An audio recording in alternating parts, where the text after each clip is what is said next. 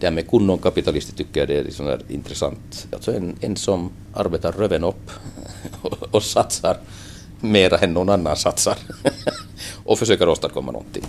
När jag ringde upp Sture Udd i Vasa i början av maj för att fråga om han ville vara med i den här serien så bad han mig ringa på nytt den 9 juni för han skulle ut på någonting som lät som en jorden runt-resa när han snabbt räknade upp alla ställen han skulle besöka.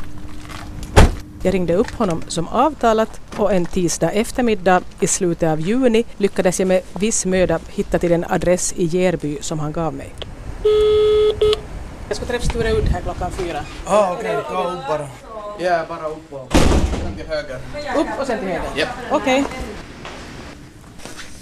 God morgon. God morgon. du får slå dig ner så. Får du på kopp kaffe, inte som jag dricker själv, eller? Jag kan nog tänka mig att dricka kaffe. Jag lagar färskt, starkt kaffe. Sen får du fast komma och innan vi börjar komma och. Medan vi väntar på att kaffet ska bli klart passar Sture Udd på att visa mig en stor hall. Ett tryckeri ser det ut som. Det är ett tryckeri och världens största kvalitetsmaskin står där. Och Jag har alltså kontaktat Sture Udd eftersom han enligt många av mina bekanta var mycket aktiv vänstermänniska på 70-talet.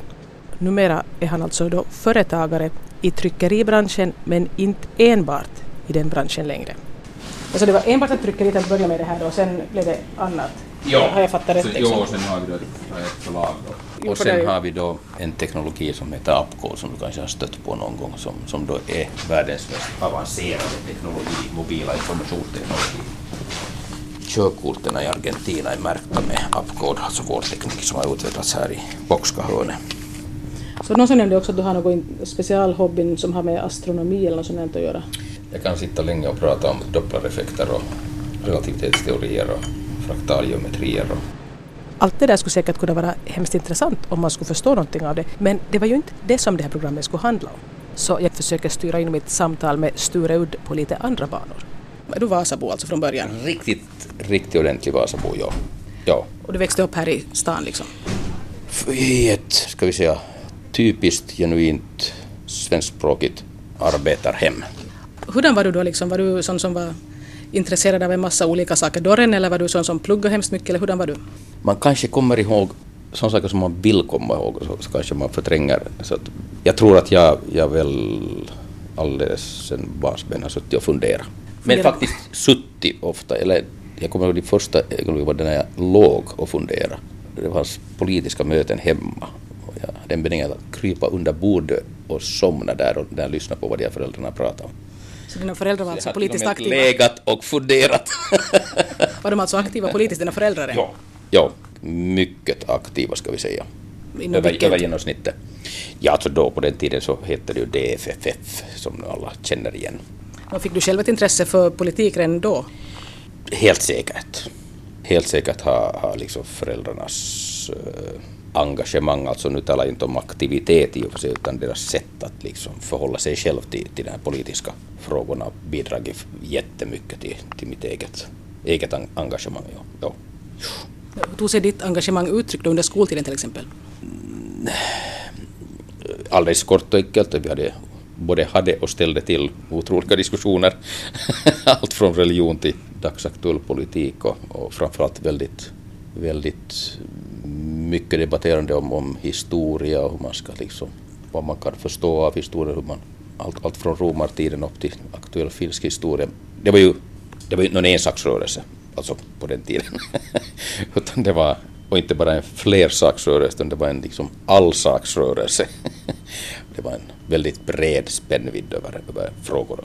Allting skulle man tänka på och fundera på. Och eventuellt till och med också om man var duktig liksom kunna, kunna ha någon egen åsikt om.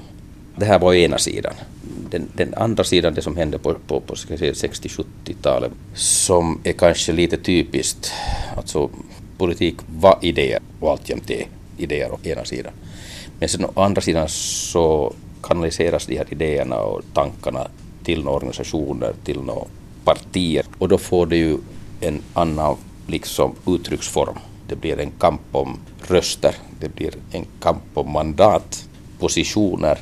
Så att, att eh, säkert för utomstående så har, och också tror jag många som, har varit, som var aktiva på den tiden, så, så den energi som lades ner, så i efterhand betraktat så var säkert energin som man la ner på en uppfattning eller en ståndpunkt. Kanske inte ens 50 procent, kanske 50 procent och mer gick till att ha ett visst antal mandat eller stöd eller att få en position så att det är den där å andra sidan. Men jag tror att, att man gör en, inte bara orättvis utan liksom inte en, en eh, adekvat bedömning om man liksom bara ser den sidan trots att den är så i ögonen fallande att det var fight mellan olika fraktioner och det var fight mellan olika organisationer och det var fight.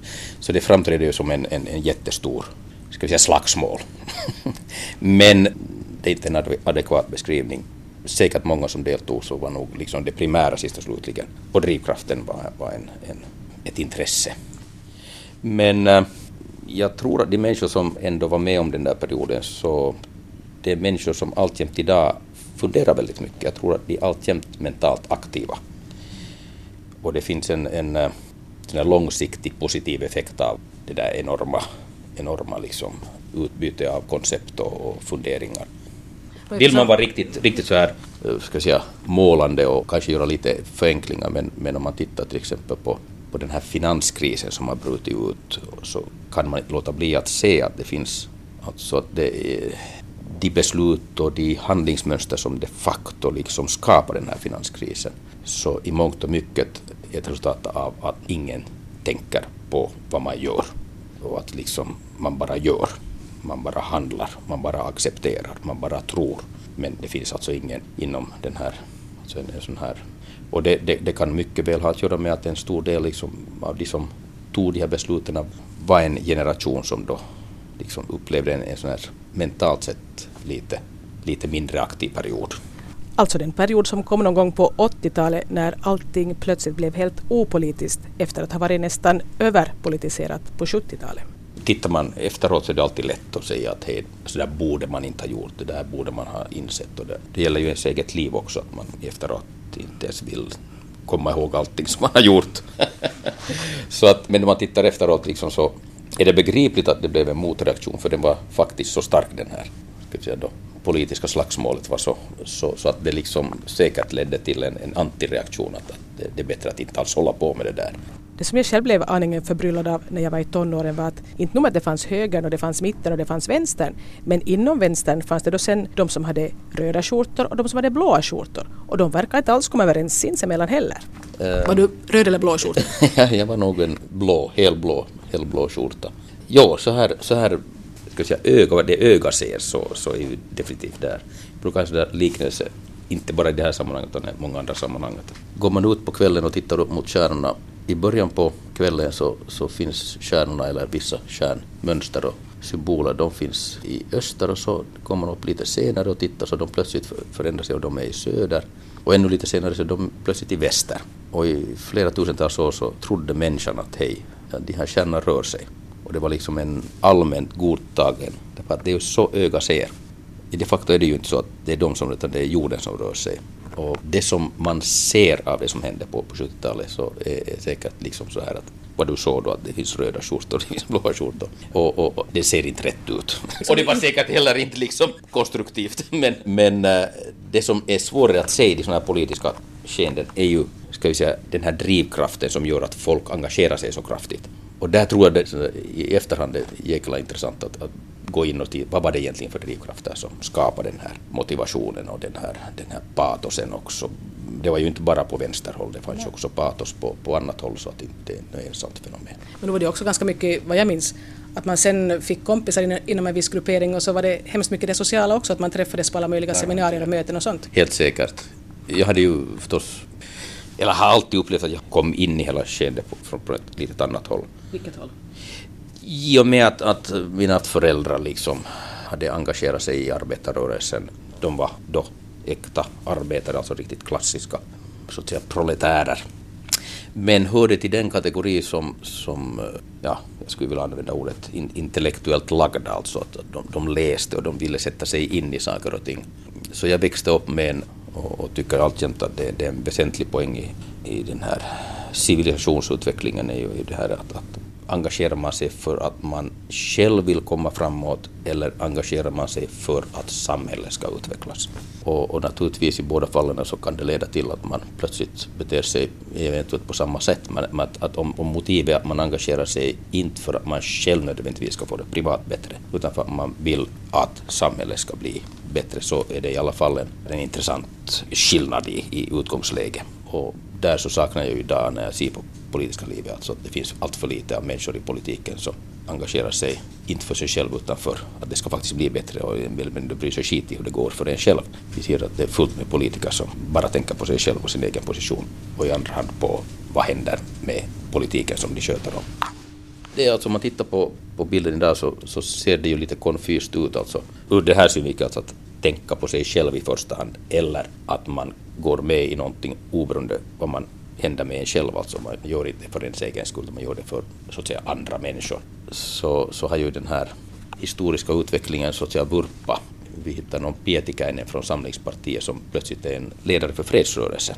Hon då borde ju, då hon kommer från högern så borde hon ju inte vara något intresserad av vad som händer med andra människor. Hon borde bara tänka klassiskt på sig själv och sina egna, sin egen välfärd. Men det gör hon inte. Å andra sidan så hittar vi då på gamla klassiska vänsterroll mycket som inom fackföreningsrörelsen där folk är med i fackföreningsrörelsen bara för sin egen skull, inte alls för att det ska liksom hjälpa någon samhällsutveckling eller något, utan man är bara med för att man ska själv få det lite bättre. Punkt. Själva utvecklingen i sig liksom har, har gått en väg som inte är sådär spikrak. Och det har ju förstås bidragit till orsaken varför, att, varför folk säkert idag förhåller sig annorlunda till politik än på 70-talet. Då var du i huvudsak med för att du ville att det skulle bli ett bättre samhälle eller var du också av egen, hade du något eget intresse där? Andra måste ju nog vara den som avgjorde men jag, jag upplevde också att jag var enormt, nästan för intresserad just av att det skulle faktiskt bli ett bättre samhälle i grunden och brydde mig skit i hur det, om det sen var bra eller dåligt för mig själv. Var det bra eller dåligt för dig själv att vara med där då?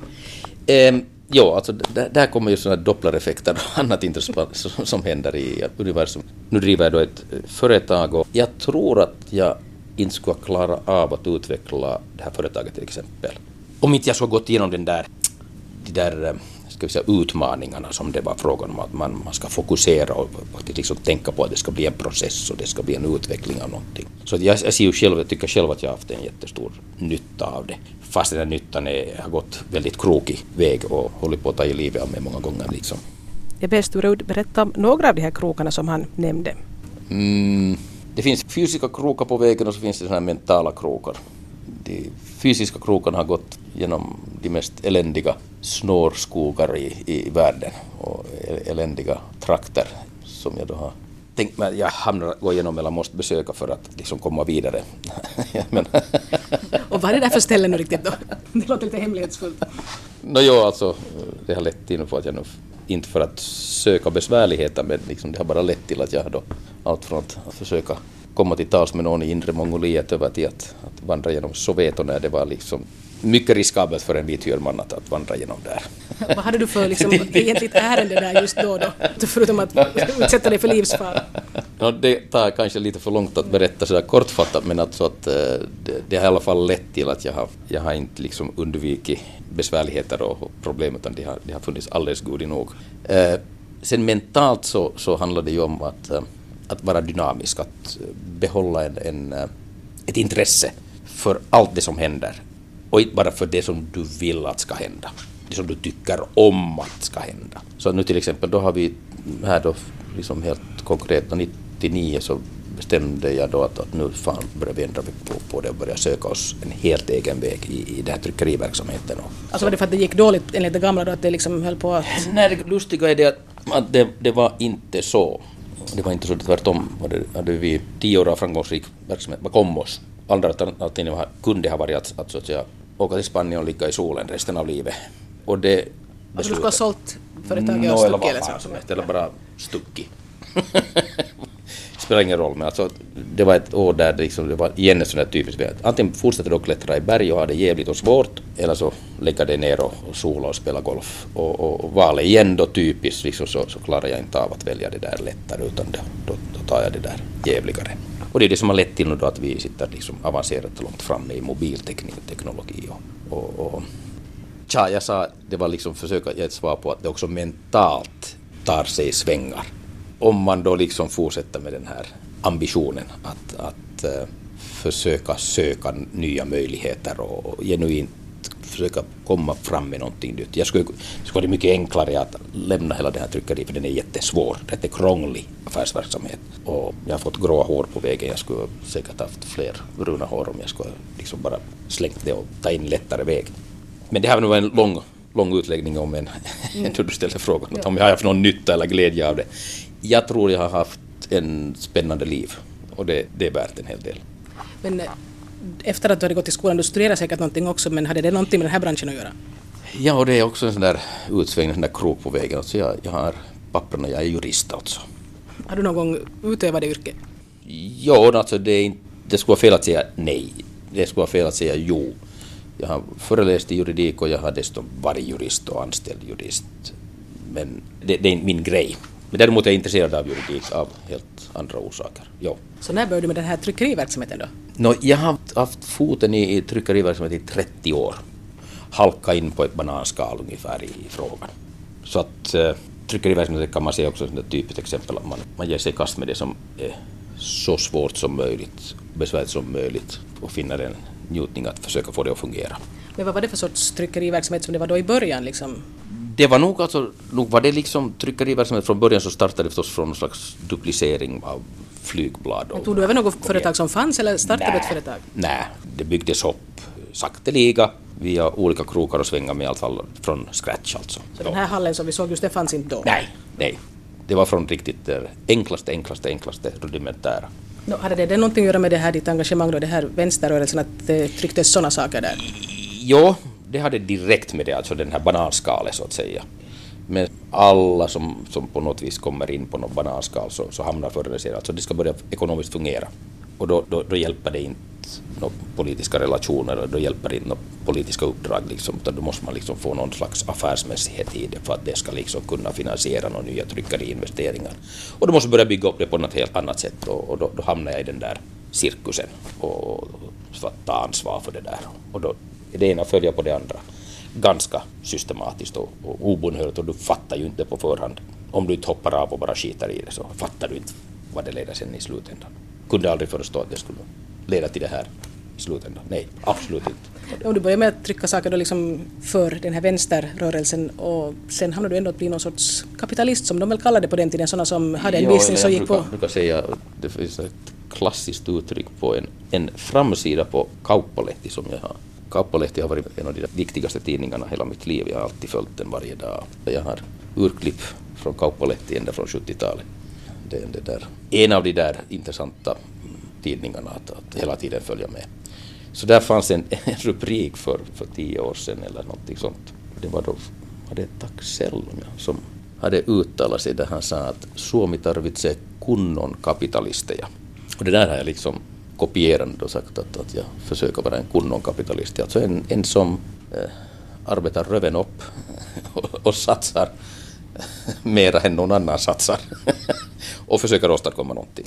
Och som inte suger ut dina, suger ut dina arbetare no, så som kapitalisterna gjorde det, det hör säkert också till alltså, för att annars så ett sånt här företag fungerar ju inte om du inte utnyttjar arbetskraft alltså, det, det är helt klart. Det är inte frågan om att, att det är någon social välgörenhetsanläggning men, men eh, det här med kunnon kapitalister tycker jag det är liksom intressant. Därför att när man tittar på företagsklimatet så brukar jag säga att, att hej, att den där föreställningen att du ska vara företagare och ha lite att göra och ändå vara rikare än andra, forget it det är liksom något fel om du tänker så.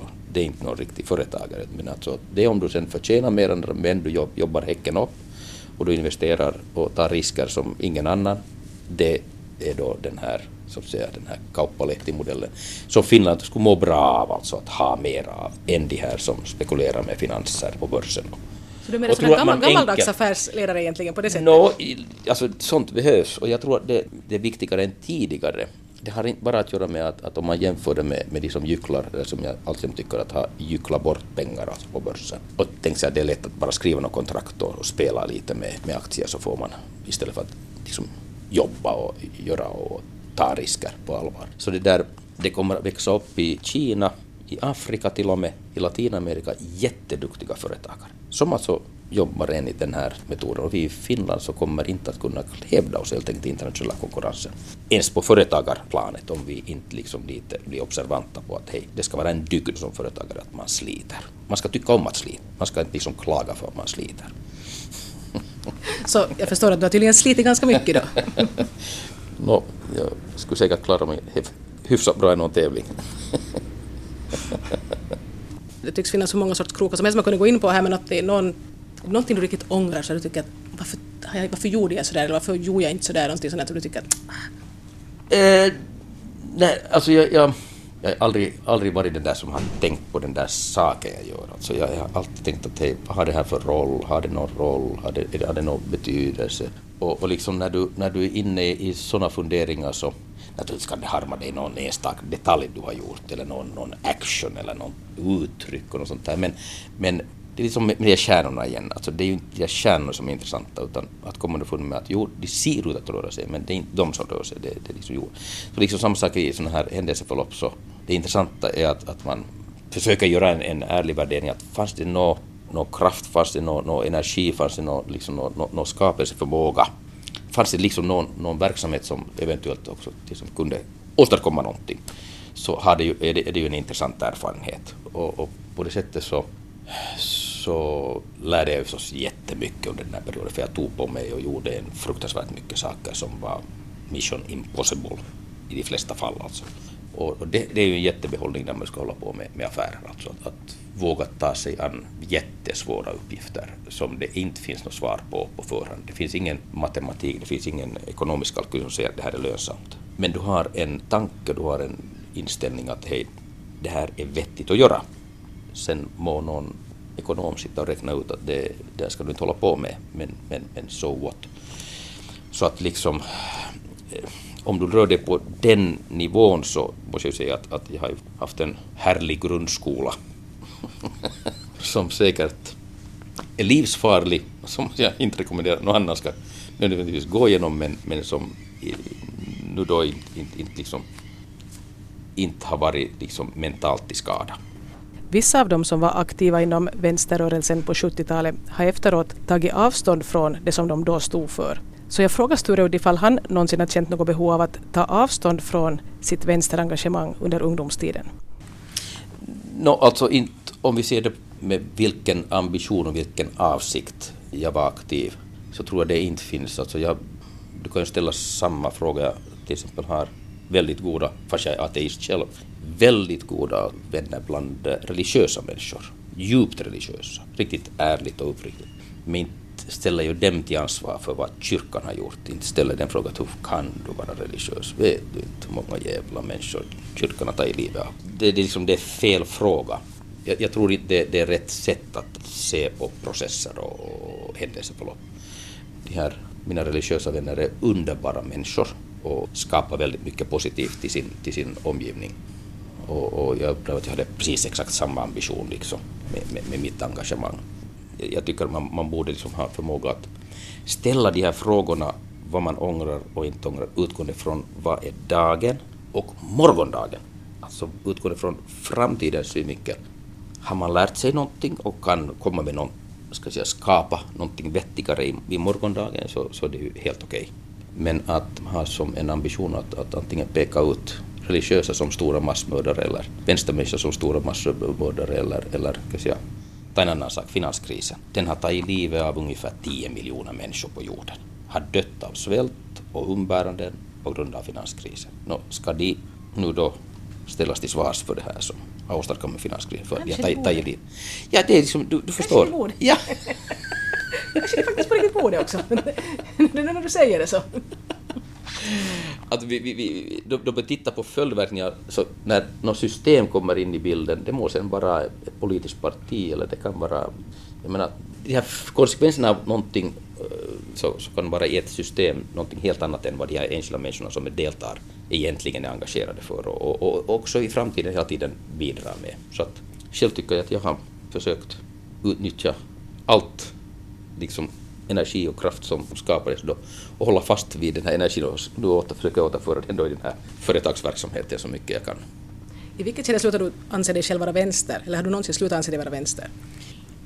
Det där är en, en jättestor fråga.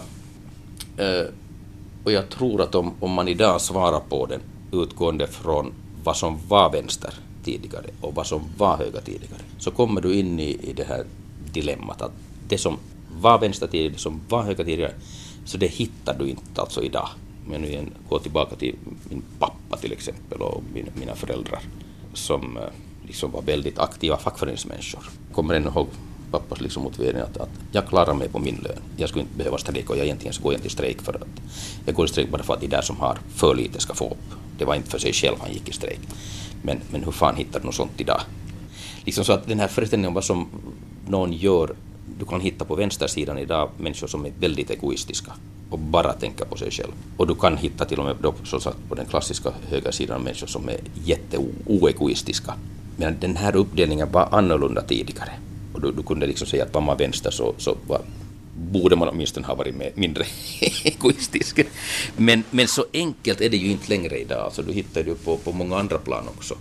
Så att den här frågan tror jag inte borde ställas som, som du kanske ställde den. Att, att har du någon gång avstått eller vill du förneka eller vill du, vill du, vill du vara icke-vänster? Alltså idag så borde frågan ställas att på vilket sätt vill någon människa idag bidra till en utveckling? Eller vill du bara tänka på dig själv? Och där kan jag svara att jo, jag vill aktivt bidra till en utveckling. Vill alltjämt. har du fått några beskyllningar från gamla partikompisar då om att du skulle ha blivit, att du har liksom gått fel väg när du har blivit företagare? Eh, jag kan gott tänka mig att, att det både har förekommit och, och kommer att förekomma. och det tycker jag bidrar till en intressant diskussion. Kanske någon har något negativt vill något negativt med det, men i grunden så tror jag det bara bidrar till en intressant diskussion. Så det, det är också positivt. En sak som jag hade tänkt fråga. Den där resan som Sture Udd skulle på då i maj när jag först ringde honom, vart var det riktigt han var? För jag minns att det, det lät liksom sådär ja, det, det var enklare än, än många andra resor jag varit på. Det, det, var liksom, ska jag säga, det var landa i Dubai, eller först i London, sen till Dubai.